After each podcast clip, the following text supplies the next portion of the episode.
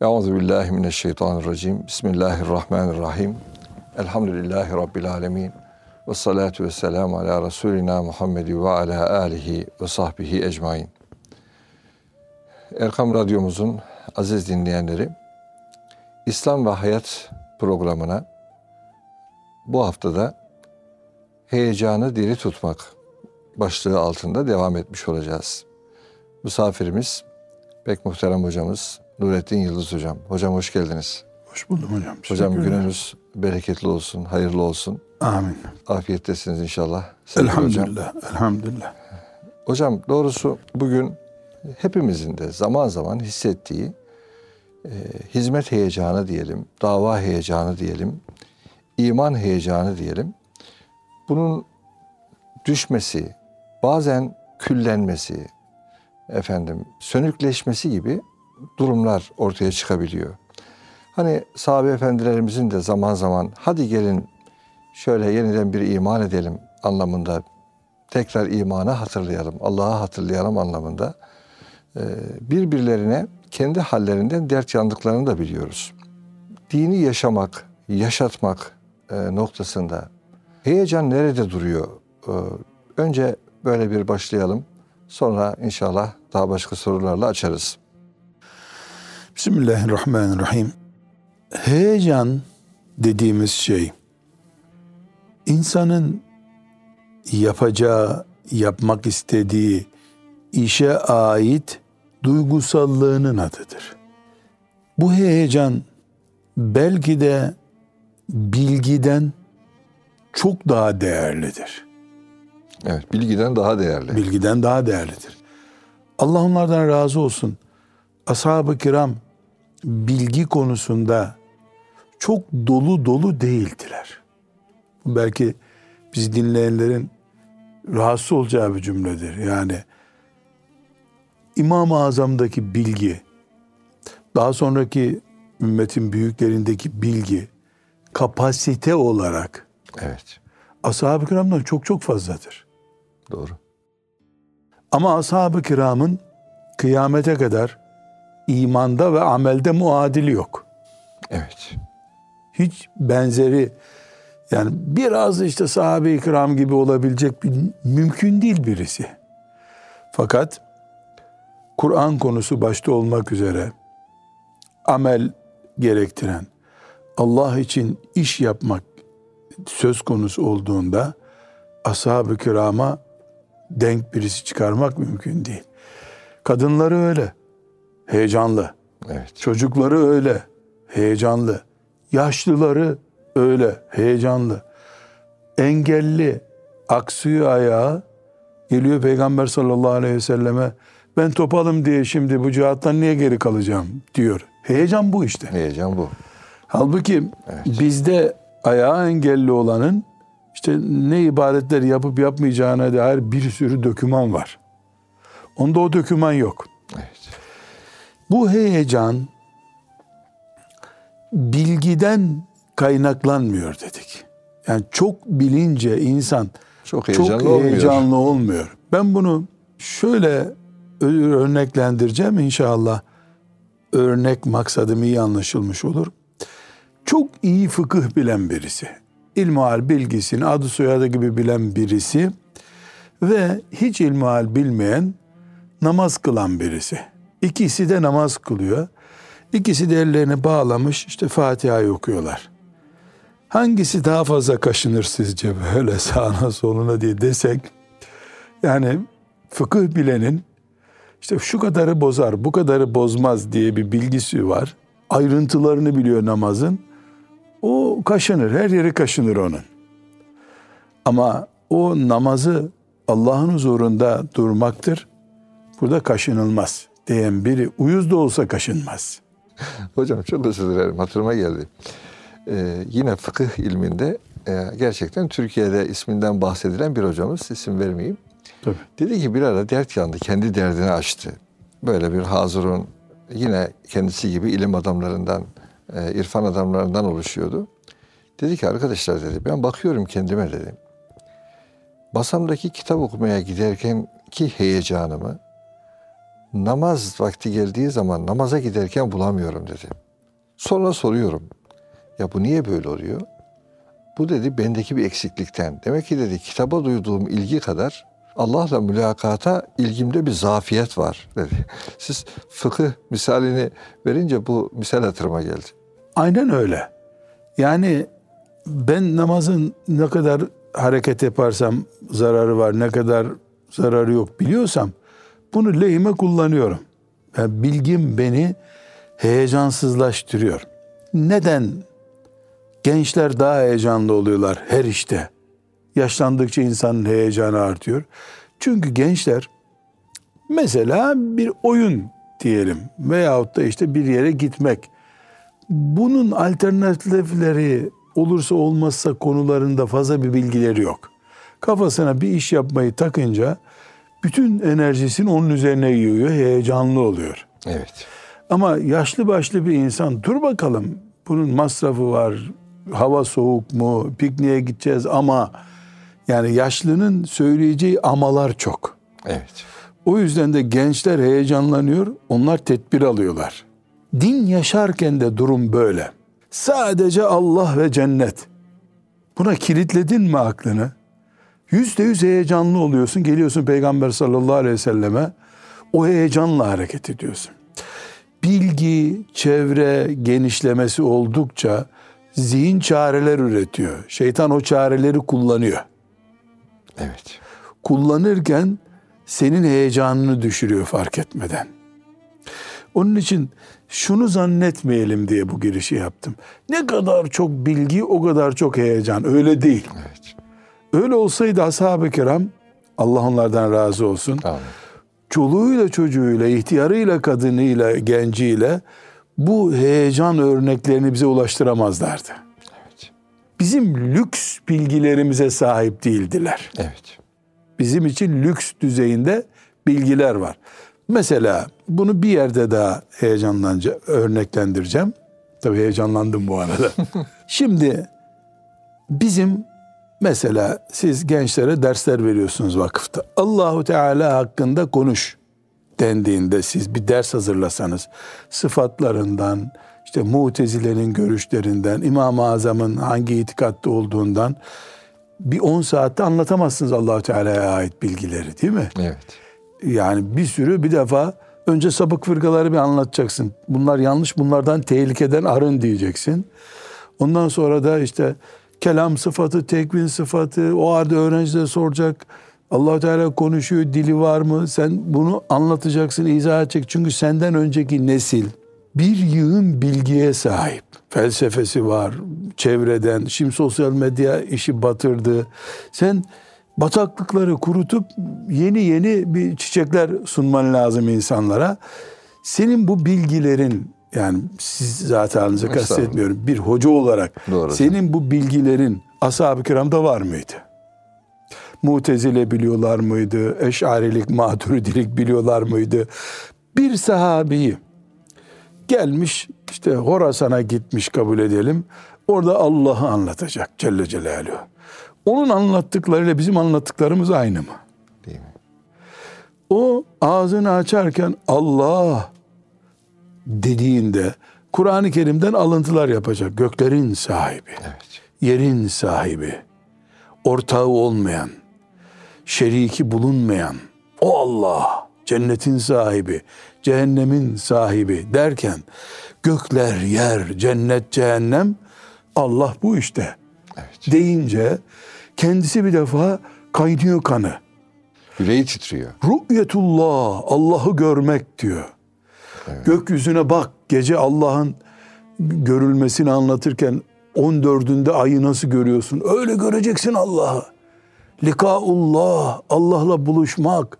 Bu kavramlar hep heyecan dolu. Evet. Biz bu heyecanı buzdolabında bekletmek zorundayız. Niye? Ya bir defa önce deizme cevap vereceksin. Ateizmin bataklık olduğunu anlatacaksın. İşte bir yığın matematik. Güneş dünyaya şu kadar uzak da bu uzaklıktan işte bu kış yaz oluyor da 10 santim daha yakın olsa deyip o girdiğin matematik şeyleri karşındakine Allah'a anlatıyorsun ya. Evet. Onu Allah'a inandıracaksın. Aslında senin de heyecanın bitmiş. Sen de matematiğe girmişsin. Sen de coğrafya, fizik ilmine girmişsin. Sahabi üç cümleyle Allah'la bağlantı kurdu. Nedir o? Ben boşuna yaratılmadım. Evet. Bir gün beni hesaba çekecekler. İki, bu lan putlarla bunlarla uğraşıyor? Odun parçaları, bunun taş parçaları. Bunlardan ilah olur mu ya? Üç, bunca büyüklüğün sahibi Allah'a secde edilir. Allahu Ekber. Bitti. Bitti. 10 dakikadır ashab-ı kiramın Allah anlatma tarzı. 10 dakika, 11. dakika hem söyleyeceği bir şey yok. Hem sen hay- hayvan mısın nasıl anlamadın beni diyeceği samimiyeti var. Doğru. Heyecanı var. Bu samimiyet ve heyecanla kaç 80 sene bir puta tapınmış birisine bile konuştuklarında pes ettirdiler. Çünkü samimiyet var, heyecan var. Gözlerinden yaşlar boşalıyor anlatırken. Yani o onu kucaklıyor. Bunun yüzde yüz örneği Musab bin Ömer'dir. Radıyallahu anh. Medine'ye gittiğinde hafız mıydı? Değil. Olabilir miydi hafız? E, Kur'an inmemiş. Neresine hafız olacak? Ve oraya gittiğinde işte deizmdi, şuydu buydu, sapık fikirlerdi. Böyle bir şey biliyor muydu? Bir tek şeyi biliyordu. Babasının taşı yontup ona tapındığını ve bunun da mantıksız, anlamsız bir iş olduğunu biliyordu. Nasıl bir seneyi geçmeyen bir zamanda İslam'ın devletini kurdu peki? Heyecan. Heyecan. Mesele sadece kas meselesi yaşlılık meselesi değil. Ee, Ashab-ı kiramın yaşlılarında da e, bu heyecan vardı. Demek ki bilgi ile heyecan sahibi olunulmuyor.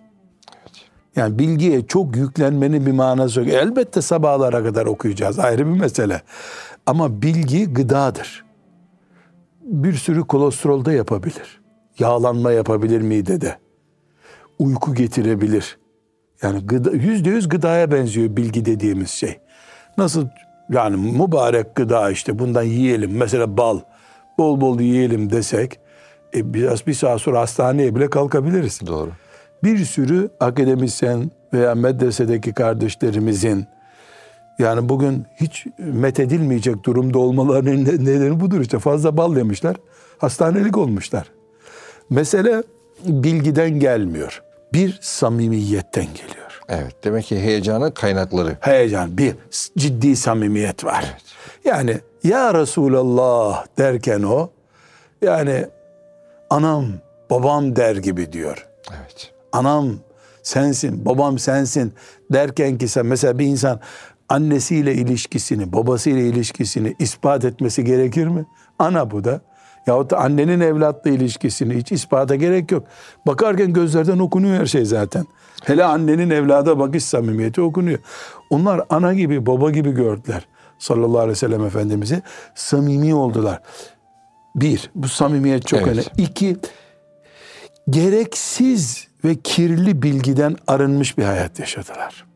Nedvi, Ebu Hasan el-Nedvi rahmetullahi aleyhin çok güzel bir tespitini yıllar önce okumuştum. Diyor ki neden Allahu Teala Arap Yarımadası'na peygamber gönderdi sorusunun cevabını Allah bilir. Başkası bilemez. Bunu 100 sene araştırsak gene bilemeyiz niye oradan gönderdiğini. Evet. Sonunda yaptığında hikmet vardır deriz biter. Ama insan olarak bir düşünce içine girebiliriz diyor. Neden Arap Yarımadası? Hiçbir uygarlık yok. Deve, çadır, hayvan, e, kavga, kan, kılıç yani bütün sosyal hayatları yüz kelimenin etrafında dönüyor veya dönmüyor. Alkol böyle saydın mı 300 kelime sayamıyorsun Arap toplumunda. Yok. Medeniyet yok çünkü. Çöl hayatı yaşanıyor. E, Mekke'de bir miktar hayat var. O da çölden bağlantılı bir hayat. Öbür tarafta Roma var. Pers İmparatorluğu var. İran var. Yani orada da e, sadece şiirlerde 300 tane e, bu tür kelime edebiyat diye kullanılıyor. Araplarda var yok bir e- şiir var. Başka bir şey yok. Kur'an-ı Kerim'de onu susturmak için gelmiş zaten. Niye Mekke gibi deyim yerindeyse hayatın köhne yaşandığı bir yere geldi de İran mesela binlerce yıllık bir medeniyet var orada. Silahlar daha modern o zamanki şartlarda. Hayat daha modern. Mesela bir banyo yapma imkanı orada daha modern. İşte temizlik için gelmiş bir din. Hiç banyo nedir bilmeyen bir medeniyete geliyor da daha uygar kabul edilen medeniyete gelmiyor. Diyor ki bunu uzun uzun anlattıktan sonra Allah bilir doğrusunu ama diyor. Resulullah sallallahu aleyhi ve sellem o medeniyet olan bir yere peygamber olarak gelseydi 23 senede onların kafasını temizleyemeyecekti bir defa. Halbuki Mekke'ye geldi. Put, putlarla ne uğraşıyorsunuz? Taş bunlar dedi. Temizleyecek bir şey kalmadı. Hakikaten taş deyince bitti. Hemen boşalttığı yere 13 senede boşalttı o kirli kafaları. Çünkü çok nesne yok kirletin, kirletmeye matuf. Bu boşaltılmış kafada 10 senede şeriatını yerleştirdi. Dolayısıyla çok bilmişlik bunu şuna örnek Evet. vermek istiyorum. Çok bilmişlik her zaman menfaatini değil insanın. Evet. Yani daha pipirik olabiliyorsun en azından. Doğru. Bu heyecanda bilginin yerini samimiyet dolduruyor. Gençlerde de işte bu yüzden daha heyecanlı oluyor. Daha samimi e, iş yapıyor genç. E, yani çok mesela üniversite mezunu birisini şöyle anlatayım. Koruma olarak nasıl tutacaksın kapıda? Onun 40 tane tilki dönüyor kafasında. Senin kapını niye beklesin adam? Ama daha böyle kültürü o derece üniversiteli olmamış birisi ekmeğin buradan helalinden çıktı dedim oturup o görevi yapıyor. Sadece mesele e, prestij meselesi değil. Kafadaki tilki sayısı da önemli. O tilki o işi yapma heyecanını öldürüyor. Dediğimiz gibi samimiyet çok Evet. önemli. Demek ki heyecanın birinci kaynağı Birinci ve samimiyet. yegane kaynağı samimiyettir. İki, iman da teslimiyet de çok önemli. Pazarlıksız iman. Evet. Evet, her halükarda la ilahe illallah Muhammedur Resulullah diyen insan e, yani bir mümindir. Ebu Talip, Efendimiz sallallahu aleyhi ve sellemin amcası bu kelimeyi niye söylemedi? Çünkü içinde pazarlık konuları vardı hala. Ne derler pazarlığı? O ne derleri silebilenler ancak La ilahe illallah Muhammedur Resulullah dediler. Silmediği halde he biz de bunu diyelim diyenler münafık oldular. Kafirden beter yaşadılar. İki yüzlü oldukları için. Samimiyet ve teslimiyet. Bir insan çok samimi olabilir, teslim etmeye hazır değildir. Kendisini, malını, evini, ailesini, çevresini, kültürünü teslim etmeye hazır olmak. Bir örnek çok önemli. Sahabeden Husayn İbni İmran isimli bir zat var. Geliyor Efendimiz sallallahu aleyhi ve selleme diyor ki Muhammed işte onun ifadesiyle sallallahu aleyhi ve sellem ya ben Müslüman olmak istiyorum ama iki şeyi kafama oturtamadım diyor. Birincisi yani sen cihad edip şehitliğe hazır olmayan cennete girmez diyorsun. E ben canımı niye vereyim senin dinin için? Diyor. Canımı seviyorum. Bu bir samimiyet ama. Evet. Açık dobra dobra konu. İki, e sen benden alıp fakirlere mal veriyormuşsun. Ben onlar için mi çalıştım kazandım diyor. Efendimiz sallallahu aleyhi ve sellem de uzat elini diyor. Elini tutuyor. Hani kurbanlıkta böyle sıkıştırıyoruz elleri kurban alırken. Böyle sallamış elini de. Hüseyin demiş. Cihat yok, zekat yok. Cennete neyle gireceksin demiş. Halbuki bu adam namazı kabul ediyor, haccı kabul ediyor, orucu kabul ediyor Kelime-i tevhidi kabul ediyor. kelime tevhidi kabul ediyor. Cihada anlam veremiyor. Yani ne biçim din bu ölümü bize pazarlık konusu yapıyor. Malıma niye talip bu din? Bunu anlamak istemiyor ya da anlayamıyor. O zaman da Efendimiz sana febimel cennet demiş. Neyle cennete gireceksin ki sen demiş. Durmuş durmuş o kadar mı ağır demiş. O kadar tabii bulmuş. Peki onları da kabul ettim demiş. Bu e, sahabi Allah ondan razı olsun samimiyet gösteriyor. Evet. Pazarlığında da bu samimiyet var zaten. Evet. Mesela aynı şeyi Efendimiz sallallahu aleyhi ve sellemle gelip Mekke fethinden önce e, Müslüman olacak olan Amr ibn As da yapıyor. Yani beni tam affedeceksin ben geçmişim çok karanlık diyor. Efendimiz de ona diyor ki sallallahu aleyhi ve sellem "E, sen şunu bil diyor İslam geçmişini temizler diyor. Yani sen Müslüman ol geçmişin yoksa o zaman Müslüman olurum diyor. Biz bu pazarlıkları bir tür kabalık olarak görüyoruz. Hem Müslüman olacaksın hem de ne biçim soru bunlar diyoruz. Öyle değil. Bu yüreğindeki samimiyetten geliyor. Pazarlıksız geliyor adam. Yani, Yani aslında içimdeki engelleri gidereyim öyle geleyim. Şu yok mesela hele bir Müslüman olalım. Üye, üyelik formunu dolduralım. İleride anlaşırız bunları. Öyle bir partiye derneğe kaydolur gibi değil. evet, değil. Dobra dobra. Ondan sonra da La ilahe illallah Muhammedur Resulullah deyince hayat rengini değiştiriyor. Bir daha ileri geri yok artık. O ne, di- ne dediyse o. 60 yaşında da o zaman o heyecanı görüyorsun o zatta. 10 yaşındaki heyecanı görüyorsun. Burada bir samimiyet, iki Teslimiyet. teslimiyet, üç itaat var. Evet. itaat var. Bu itaati de örneklendirirken yüzlerce örnek çıkabilir önümüze. Dördüncü maddeye geçeceğim.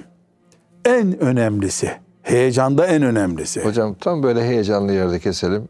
Bir ara verelim kısa. Ben de dedim Adem Hoca bugün saate bakmıyor dedim ama Evet. peki. Hocam heyecan programını heyecanlı götürmek lazım inşallah. Aziz dinleyenlerimiz kısa bir aradan sonra kaldığımız yerden devam edeceğiz inşallah. En heyecanlı bölümden.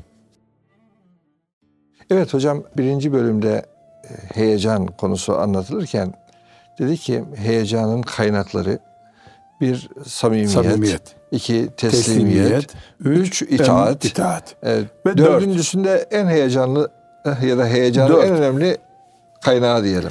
Heyecan çevre ister. Mesela çocuklar heyecanlı olurlar değil mi? Ama 15 tane çocuğu bir top sahasına saldın mı heyecanı olur. İhtiyarlar bayramlaşıyorlar, işte geçmişten konuşuyorlar, ölülerden konuşuyorlar. 10 yaşında bir çocuk da yanlarında oturuyor. Ne heyecanı olur çocuğun? Canı sıkılır. Ya dün sen fırıldak gibi dolaşıyordun be çocuk. Niye böyle uyukluyorsun burada? Denebilir mi? Denemez. Bir çocuğun çevresi yok. O çevre yok. Çevre olmayınca da e, Allahu Teala o çocuğu çocuk yaratmış ama sen onu yabancı bir bölgede tutuyorsun. Çiçeğini açacağı bir yer değil. İslam, iman heyecan istiyor. Heyecan çevre istiyor. Müslüman Muhit önemli yani. Evet. çok önemli. Evet. Neden biz e, aynı IQ ile, aynı bilgiyle Umre'ye gittiğimizde orada ibadet ruhumuz artıyor. Çevre ibadet çevresi çünkü. Evet.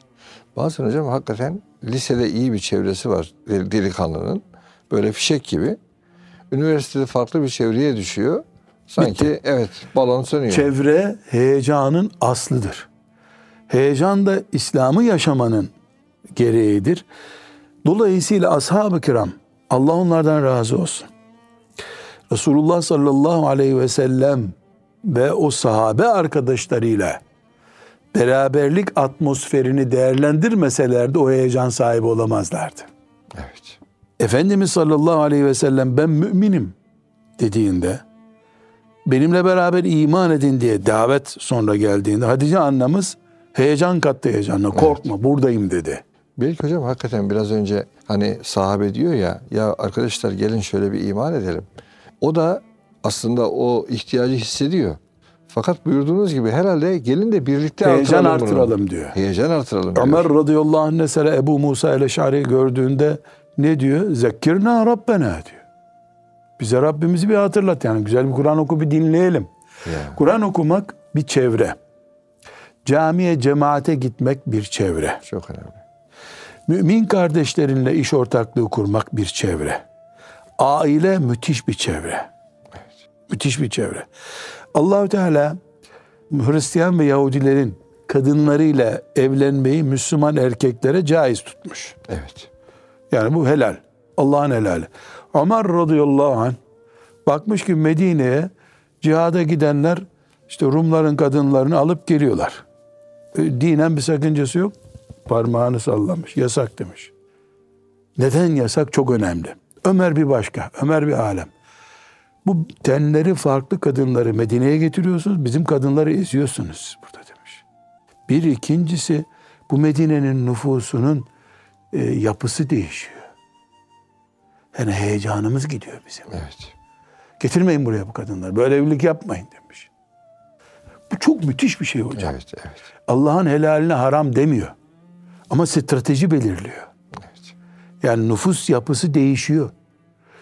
Kadınların hedefi o zaman dışarıdan gelen Rumların karıları gibi olmaya doğru kayacak, heyecanları düşecek. Evet. Bu sebeple bizim cemaat dediğimiz şey Evet. 27 defa fazla namaz kılmış olmak için, derece almak içinden çok namaz heyecanımızı tutuyor. Dindarlığımızın heyecanı Haftada bir kere ümmeti aynı şehirde, aynı yerde görmek zorundasın. Cuma kılmasan imanın tehlikeye giriyor. Bu cuma namazını 12 rekat evde kılsak niye olmuyor? Heyecanı söndürülmüş bir cuma olur, ondan olmuyor. İki kişi birleşip cuma kılamıyorsun. İlla kalabalık olacak. İlla 40 kişi olacak diyor İmam Şafii rahmetullahi aleyh. Niye? Bir, bir kalabalık göreceğiz ya. Mümin olarak beraber diyeceğiz. Bayram günü biz çocuk muyuz? Sokaklarda tekbir getirin diyor Efendimiz sallallahu aleyhi ve sellem. Tekbir getirin diyor. Yani bayram namazına giderken Tekbir getirin. Allahu Ekber, Allahu Ekber. Dönerken Allahu Ekber, Allahu Ekber. Üstelik giderken gittiğin, kullandığın sokağa dönerken kullanma diyor. Dönerken başka sokak kullan diyor. Ya coşkumuzu dünya görsün. Evet. Melekler duysun. Nitekim tabii buyurduğunuz gibi hocam mesela mitinglerde yaşınız, ilmi seviyeniz ne olursa olsun o topluluğun içerisinde e, o heyecan bir şekilde size sirayet ediyor. Çevre, Çevre. çevre. Bu çevremiz camimiz bizim. Bu çevremiz medresemiz bizim. Bu çevremiz tekkemiz bizim. Bu çevremiz hatta hatta çay ocağımız bizim. Evet. Çay ocağı İslam'da olmaz diye bir şey yok. Gıybet yapılan kahvehanemiz olmaz bizim. Tabii. Nemime yapılan kahvehanemiz olmaz. Kağıt oynanan veya rezillik yapılan ya da haram bir şey içilen bir şey olmaz. Yoksa Müslümanların çay ocağı olur. Niye olmasın? Kahvehanesi olur. Ama gelir Müslümanlar orada aradığını bulurlar. ısınırlar. Hastası olanı öğrenirler. Yani bir iletişim merkezi gibi olur. Olmalı. Gıybet yapılınca da sahibi kapısına kilitler. Burada gıybet oluyor, haram işleniyor diye kapatır orayı. Sadece bira olan yerin düşmanı değiliz biz. Alkol kadar gıybete de düşmanız. Evet. Nemimeye de, iftiraya, yalana da düşmanız. Burada gıybet ediyorsunuz arkadaşlar. Deyip kapatır dükkanını. Ya da kovar müşteriyi. Ka- alkollü biri geldiğinde nasıl kovuyor? Gıybet ediyorsun çık dışarı der. Olursa o zaman çay ocağımıza. Bu da bizim için bir heyecandır. Evet. Bir ara hocam Osman Efendi'ye bir arkadaşımız efendim ya biraz donuklaştık, sönükleştik. Ne tavsiye edersiniz diye bir şey sormuştu da. O da dedi ki kuzum dedi beş vakit namazı dedi camide düzenli olarak kılmaya başla. Allah kaybettiğin o düşmeyi ya da donuklaşmayı ya da diriliği yeniden ihsan eder buyurmuştu. Hakikaten e, özellikle namazları camide cemaatle kılmanın demek ki heyecan Daha kaybı kalabalık camide. daha kalabalık Daha camide kalabalık camide. kılmanın Çünkü maksat orada müminlerin bir arada olması. Müminlerin Evet. bir arada. Ve sıla-i rahim niye farz? Niye sıla-i rahim bağını koparanın Allah'tan bağı kopuyor? Niye bereket gidiyor? Çok önemli bir ipucu. Zannediyorum Abdullah İbni Ömer olacak veya Abdullah İbni Amr sahabinin ismini hatırlamıyorum. Ama e, olayı hatırlıyorum. Efendimiz sallallahu aleyhi ve sellemin hadislerini okumak üzere gençler rica ediyorlar bize ders yap diyorlar. O da oturuyor. Bir türlü böyle bir fuyuzatı açılmıyor. Evet. Diyor ki gençler içinizde annesiyle kavgalı biri mi var diyor. Allah Allah. Hiç kimse parmak kaldırmıyor diyelim. Anne hükmünde teyzesiyle filan bir kavgalı, sıla rahim bağını koparan biri mi var diyor. Bir bereketsizlik var burada. Başlayamıyorum dersime diyor. Birisi diyor ki benim teyzemle sorunum vardı diyor. Konuşmuyorum diyor. Uzaklaş diyor. Gidiyor, teyzesini buluyor o delikanlı. Diyor ki teyze diyor işte ismini unuttum sahabinin. Bize ders yapacak fakat diyor bereketsizlikten yapamıyor diyor.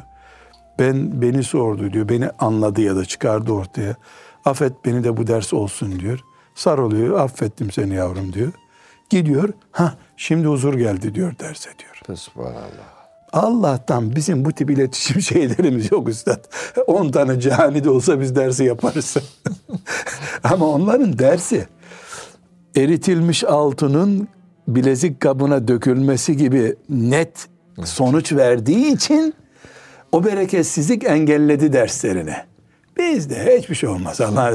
bir kitap okuruz biz baştan sona. Burada şimdi o heyecanı arıyoruz ya. Sıla-i Rahim o heyecan nedenlerinden biri. Evet. Çünkü Sıla-i Rahim'le beraber Allah ile bağımız da güçleniyor. Demek ki hocam heyecanı oluşturan unsurlar kadar heyecanı söndüren o virüslere de dikkat etmek lazım. Tabii tabii. Evet. İşlenen haramlar mesela. Evet. Bu o virüs dediğiniz şey o işlenen haramlar mesela. Veyahut da kul hakları ihlalleri. Bunlar hepsi bir bereketsizlik nedeni. Evet. E bu bereketsizliği kaldırmadığın sürece de sana bir heyecan gelmesi mümkün değil. Kitaplar dolusu bilgin olur ama bir atımlık barutun olmaz hiçbir zaman. Evet. Bu sebeple bunu biz bir noktada daha örneklendireceğim. Ehli değilim ama imreniyorum. Tasavvuf tarihine dönüldüğünde Anadolu'yu mesela ele alalım. Bütün İslam alemini değil. Her meselede fetva verecek. İşte dört mezhebi bilir düzeyde. Kaç tane insanlara tarikat heyecanı veren şeyh var. Bu yüzden de çok bilmiş alimler, ee onlar yani böyle diye Evet, biz- basit görmüşler. Bizim gibi bilmiyorlar her şeyi diyorlar. Evet. Ama Anadolu'da İslam'ı 600 sene ayakta tutan ruh o tasavvuf ruhudur. Evet. Kaç alim, allame insan tefsir yazmış, işte Beyzavi'ye haşi yazmış insan Anadolu'yu dolaştı ki. Ayağına gidersen fetva veriyor sana. Payitahta gideceksin de orada alim göreceksin ya da Bursa'da birini göreceksin de işte ya da kadıya gideceksin. Yani kadı da zaten bir uçtan bir uca bir şehirde var. Ama köylerde, kasabalarda ve şehirlerde Perşembe akşamları 30 kişiyi 40 kişi yanına oturup hanımına zulmetme tamam mı? Allah'tan kork sakın tarlada sınırları değiştirme.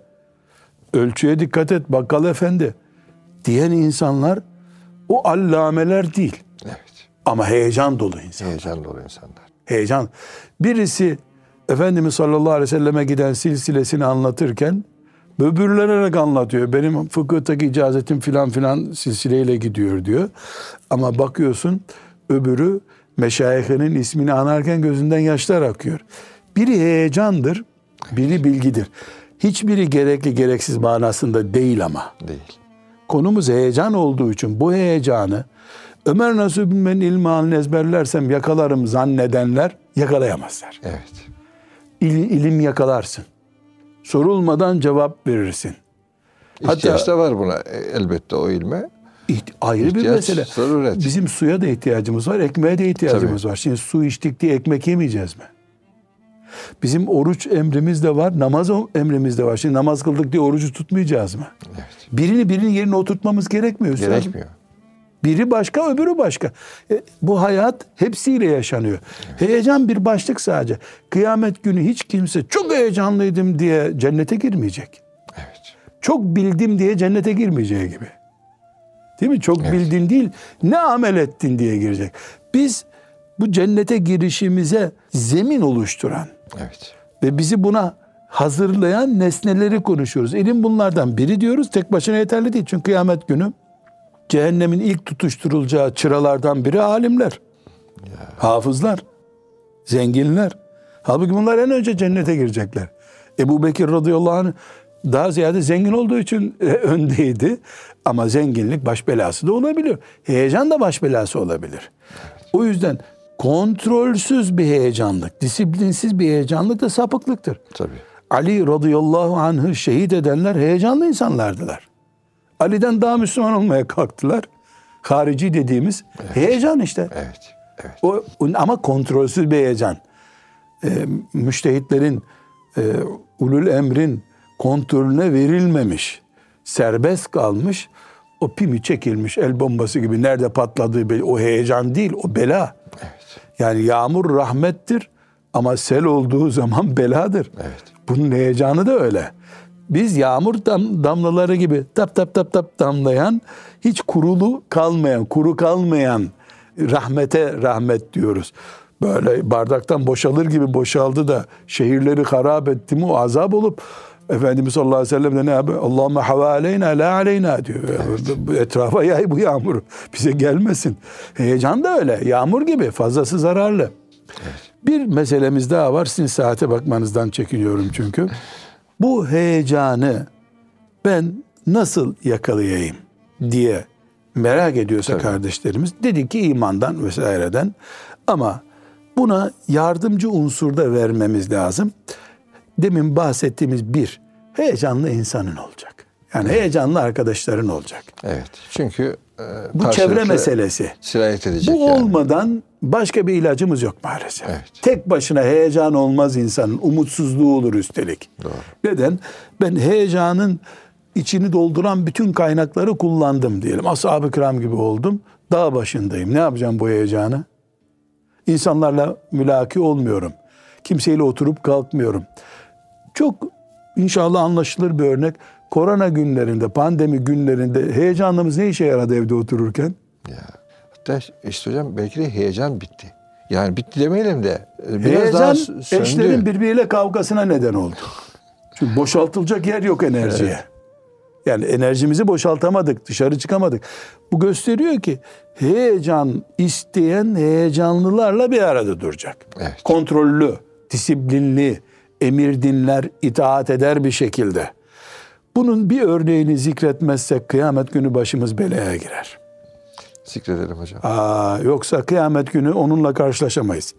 Halid İbni Zeyd, Halid bin Velid radıyallahu anh'tan daha heyecanlı biri var mı bu dünyada? Ya. Seyfullahil meslul. Evet. Allah'ın kınından çıkmış kılıcı. Evet. Bu müthiş bir şey. Yermuk Savaşı'nda Hristiyanlığın belini kırdı. Savaş bitmeden Ömer'in mektubu eline geldi. Görevin bitmiştir filancaya görevi teslim et diye. O heyecanlı adam ne oluyor ya biz burada ümmeti Muhammed için savaş ben de yeni bir parti kuruyorum devam dedi mi? Demedi. Demedi.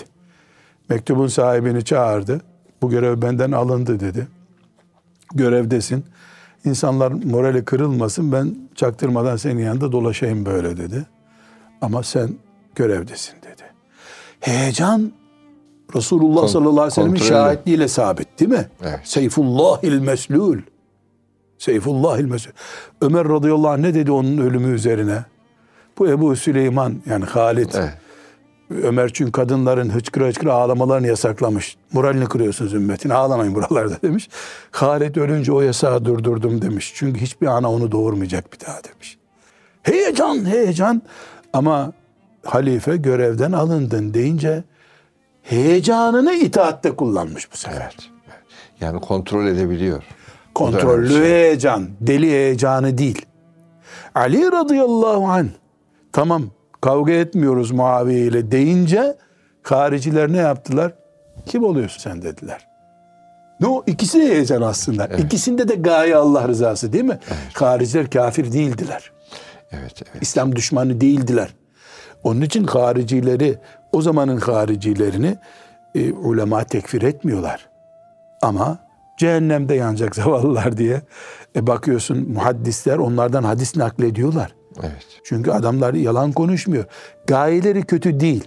Fakat kontrolsüz bir heyecanlık, disiplinsiz bir heyecanlık adamları sahabe katili yaptı. Ya. Yani Ali'yi öldüren cennete nasıl girer merak ediyorum yani. Normal bir sıradan insanı öldüren, Ya. haksız bir yerde öldüren e, yani halidine fiha ebede cehennemde kalacak sonsuza kadar da Ali'yi öldüren ne yapacak kıyamet günü? Aman ya Rabbi. Bu ne kadar kötü. Bir de bunu Allah rızası için yapıyorsun. yani bu Kabe'yi yıkıp yerine kilise yapmak gibi bir şey bu. Evet. O Ali Allah için öldürülür mü? Ya. Demek ki heyecanı saldın mı birkaç bin volt elektrik eline değiyor senin o zaman. Ya sen kül olursun. Bu sebeple diyoruz ki heyecan kesinlikle çevresinde olacak, kontrollü olacak. Bu kontrolün en üst çatısı Allah'ın ayetleri olacak. Şeriatımız olacak. Oynamayacağız şeriatın ölçüleriyle. Sırf benim heyecanım diye. Bunu da ümmeti Muhammed kıyamet gününe kadar Halid'den örneklendirecek. Yani Halid bin Velid radıyallahu anh Filistin'i fethetti. Filistin onun sayesinde şimdi İslam toprağı. Yani Mescid-i Aksa'nın çevresini o hazırladı. Filan işte Yermük'te şunu yaptı. Müseylemetül Kezzab'ı öldürdü. Ya bunların hepsi aldı ahirete götürdü onları. Bize bir şey kalmadı. Ben şimdi kılıç alıp Yemen'de Müseylemetül Kezzab'ı arayacak halim yok. Yani Halid'in yaptığının aynısını yapacak bir şeyim yok benim. Filistin'e nasıl gideyim şimdi? Yani bir Ebu Bekir radıyallahu anh hilafet döneminde 14 savaş bitirmiş. 14. Evet Filistin bizzat onun eliyle değil ama Filistin'in altını ve üstünü hazırladı. Geldi diğer sahabiler temizlediler orayı Ömer döneminde. Görevden alınmasa o zaten yaşıyordu o zaman. Belki daha da çabuk bitirirdi işi. Ama Halid'in o yaptığını Allah için yaptığını Evet. ispat eden itaati kesinlikle bize örnek. Örnek. Evet. Örnek. Yani ben heyecanımı bulunduğum vakfa, bulunduğum medreseye, bulunduğum tekkeye, rakip firma kurar gibi aykırılıkta kullandığım zaman bu heyecanımda hayır yok benim. Evet. Bulunduğum yerde itaat ederek, aykırılık yapmayarak kullandığım zaman heyecanım bereketli. Bu heyecan çok önemli. Söner mi sönmez mi? Evet. Heyecan insanın nabzı gibidir. Nabızla bağlantılı zaten. Doğru. Kur'an'da daha çok kalple de bağlantı kuruyor hocam. Heyecan Nabızla, nabız, nabız bunu temsil ediyor. Evet. Çok heyecanlandı deyince insanın bakıyorsun nabzı 100 oluyor. Nabzı yükseliyor. Yani bu futbolcu sahada koşarken 120 nabızla koşuyor. Nabız şöyle 60 ile 120 arasında gidip geliyor ya. Yani doktorların işine karışmayalım da işte köylüce söylediğimiz şeyler bunlar. Bu nabız hiçbir zaman 120'de kalmaz. Ça- damarların çatlar. 60'ın altına düşer öyle kalırsa e, gene başın belaya girer. Bu nabız 80 olur, 90 olur. Hoca efendiyi görürsün ondan dinlerken 120 olur, 140'a kadar çıkar. Eve gittin mi 70'lere düşer. Hanımına sinirlenirsin, çocuklarına sinirlenirsin, uf puf edersin. E, o tekrar 60'lara düşer. Sinirlenirsin, yumuşarsın. Ashab-ı kiram, Hanzale radıyallahu anh o meleklerin cenazesini yıkadığı değil. Hanzale bir sahabi daha var. Gelip ne diyor? Ben münafık oldum artık diyor. Niye? Sordu Ebu Bekir radıyallahu anh niye diyor? Ya Peygamber Efendimizin yanındaki heyecanımı evde bulamıyorum diyor. Tam heyecan işte Tamam, bu. evet. Evde bulamıyorum diyor. Efendimiz sallallahu aleyhi ve sellem ne buyuruyor? E, melek mi olacaktınız diyor. Elbette diyor. Bu inip çıkacak diyor özet olarak. evet. Veriyor. Bu inecek çıkacak diyor. Bir sıkıntı yok. Evet. Ama sürekli nabız 50'de kalıyorsa kardiyolojiye gideceksin. Evet. Peki nasıl bu heyecanımız artacak? Bir, Allah'ı zikir bunun tek ilacı aslında. Evet. Zikir. Ama Kalp diriliği için en önemli heyecan ve ben birisi. heyecan diyeyim siz kalp diriliği deyin. Ee, bu zikir çok önemli. Fakat zikrin e, yani rutinleşmiş böyle işte sayı doldurmaya çalışıyorsun. 7700 defa şu olacak. Ona zikir demiyoruz. Şöyle Allahu Ekber diyorsun. Subhanallah diyorsun. La ilahe illallah Muhammedur Resulullah diyorsun. Ne dediğini anlıyorsun. Evet. Şuurlu. Ne dediğini anlıyorsun. Mesela şöyle bir örnek veriyorum sürekli. 33 defa Subhanallah diyoruz ya namazdan sonra. Bu kesinlikle zikir. Bundan büyük zikir belki de yok o hani. Allah'ı tesbih ediyorsun. Fakat birincide ne diyorsun? Subhanallah. İkincide Subhanallah. 15'inde Subhanallah. 25'inde Subhanallah. 33'ünde Subhanallah kalıyor. Nerede o Subhanallah? Ne yapıyor? Rutinleşiyor, rutinleşiyor.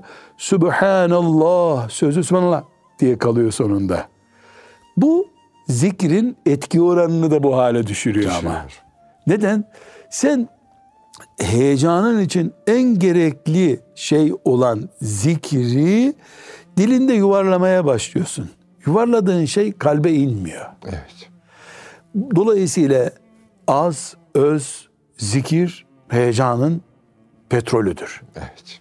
O zikirlerin şahı da Kur'an-ı Kerim'dir. Evet.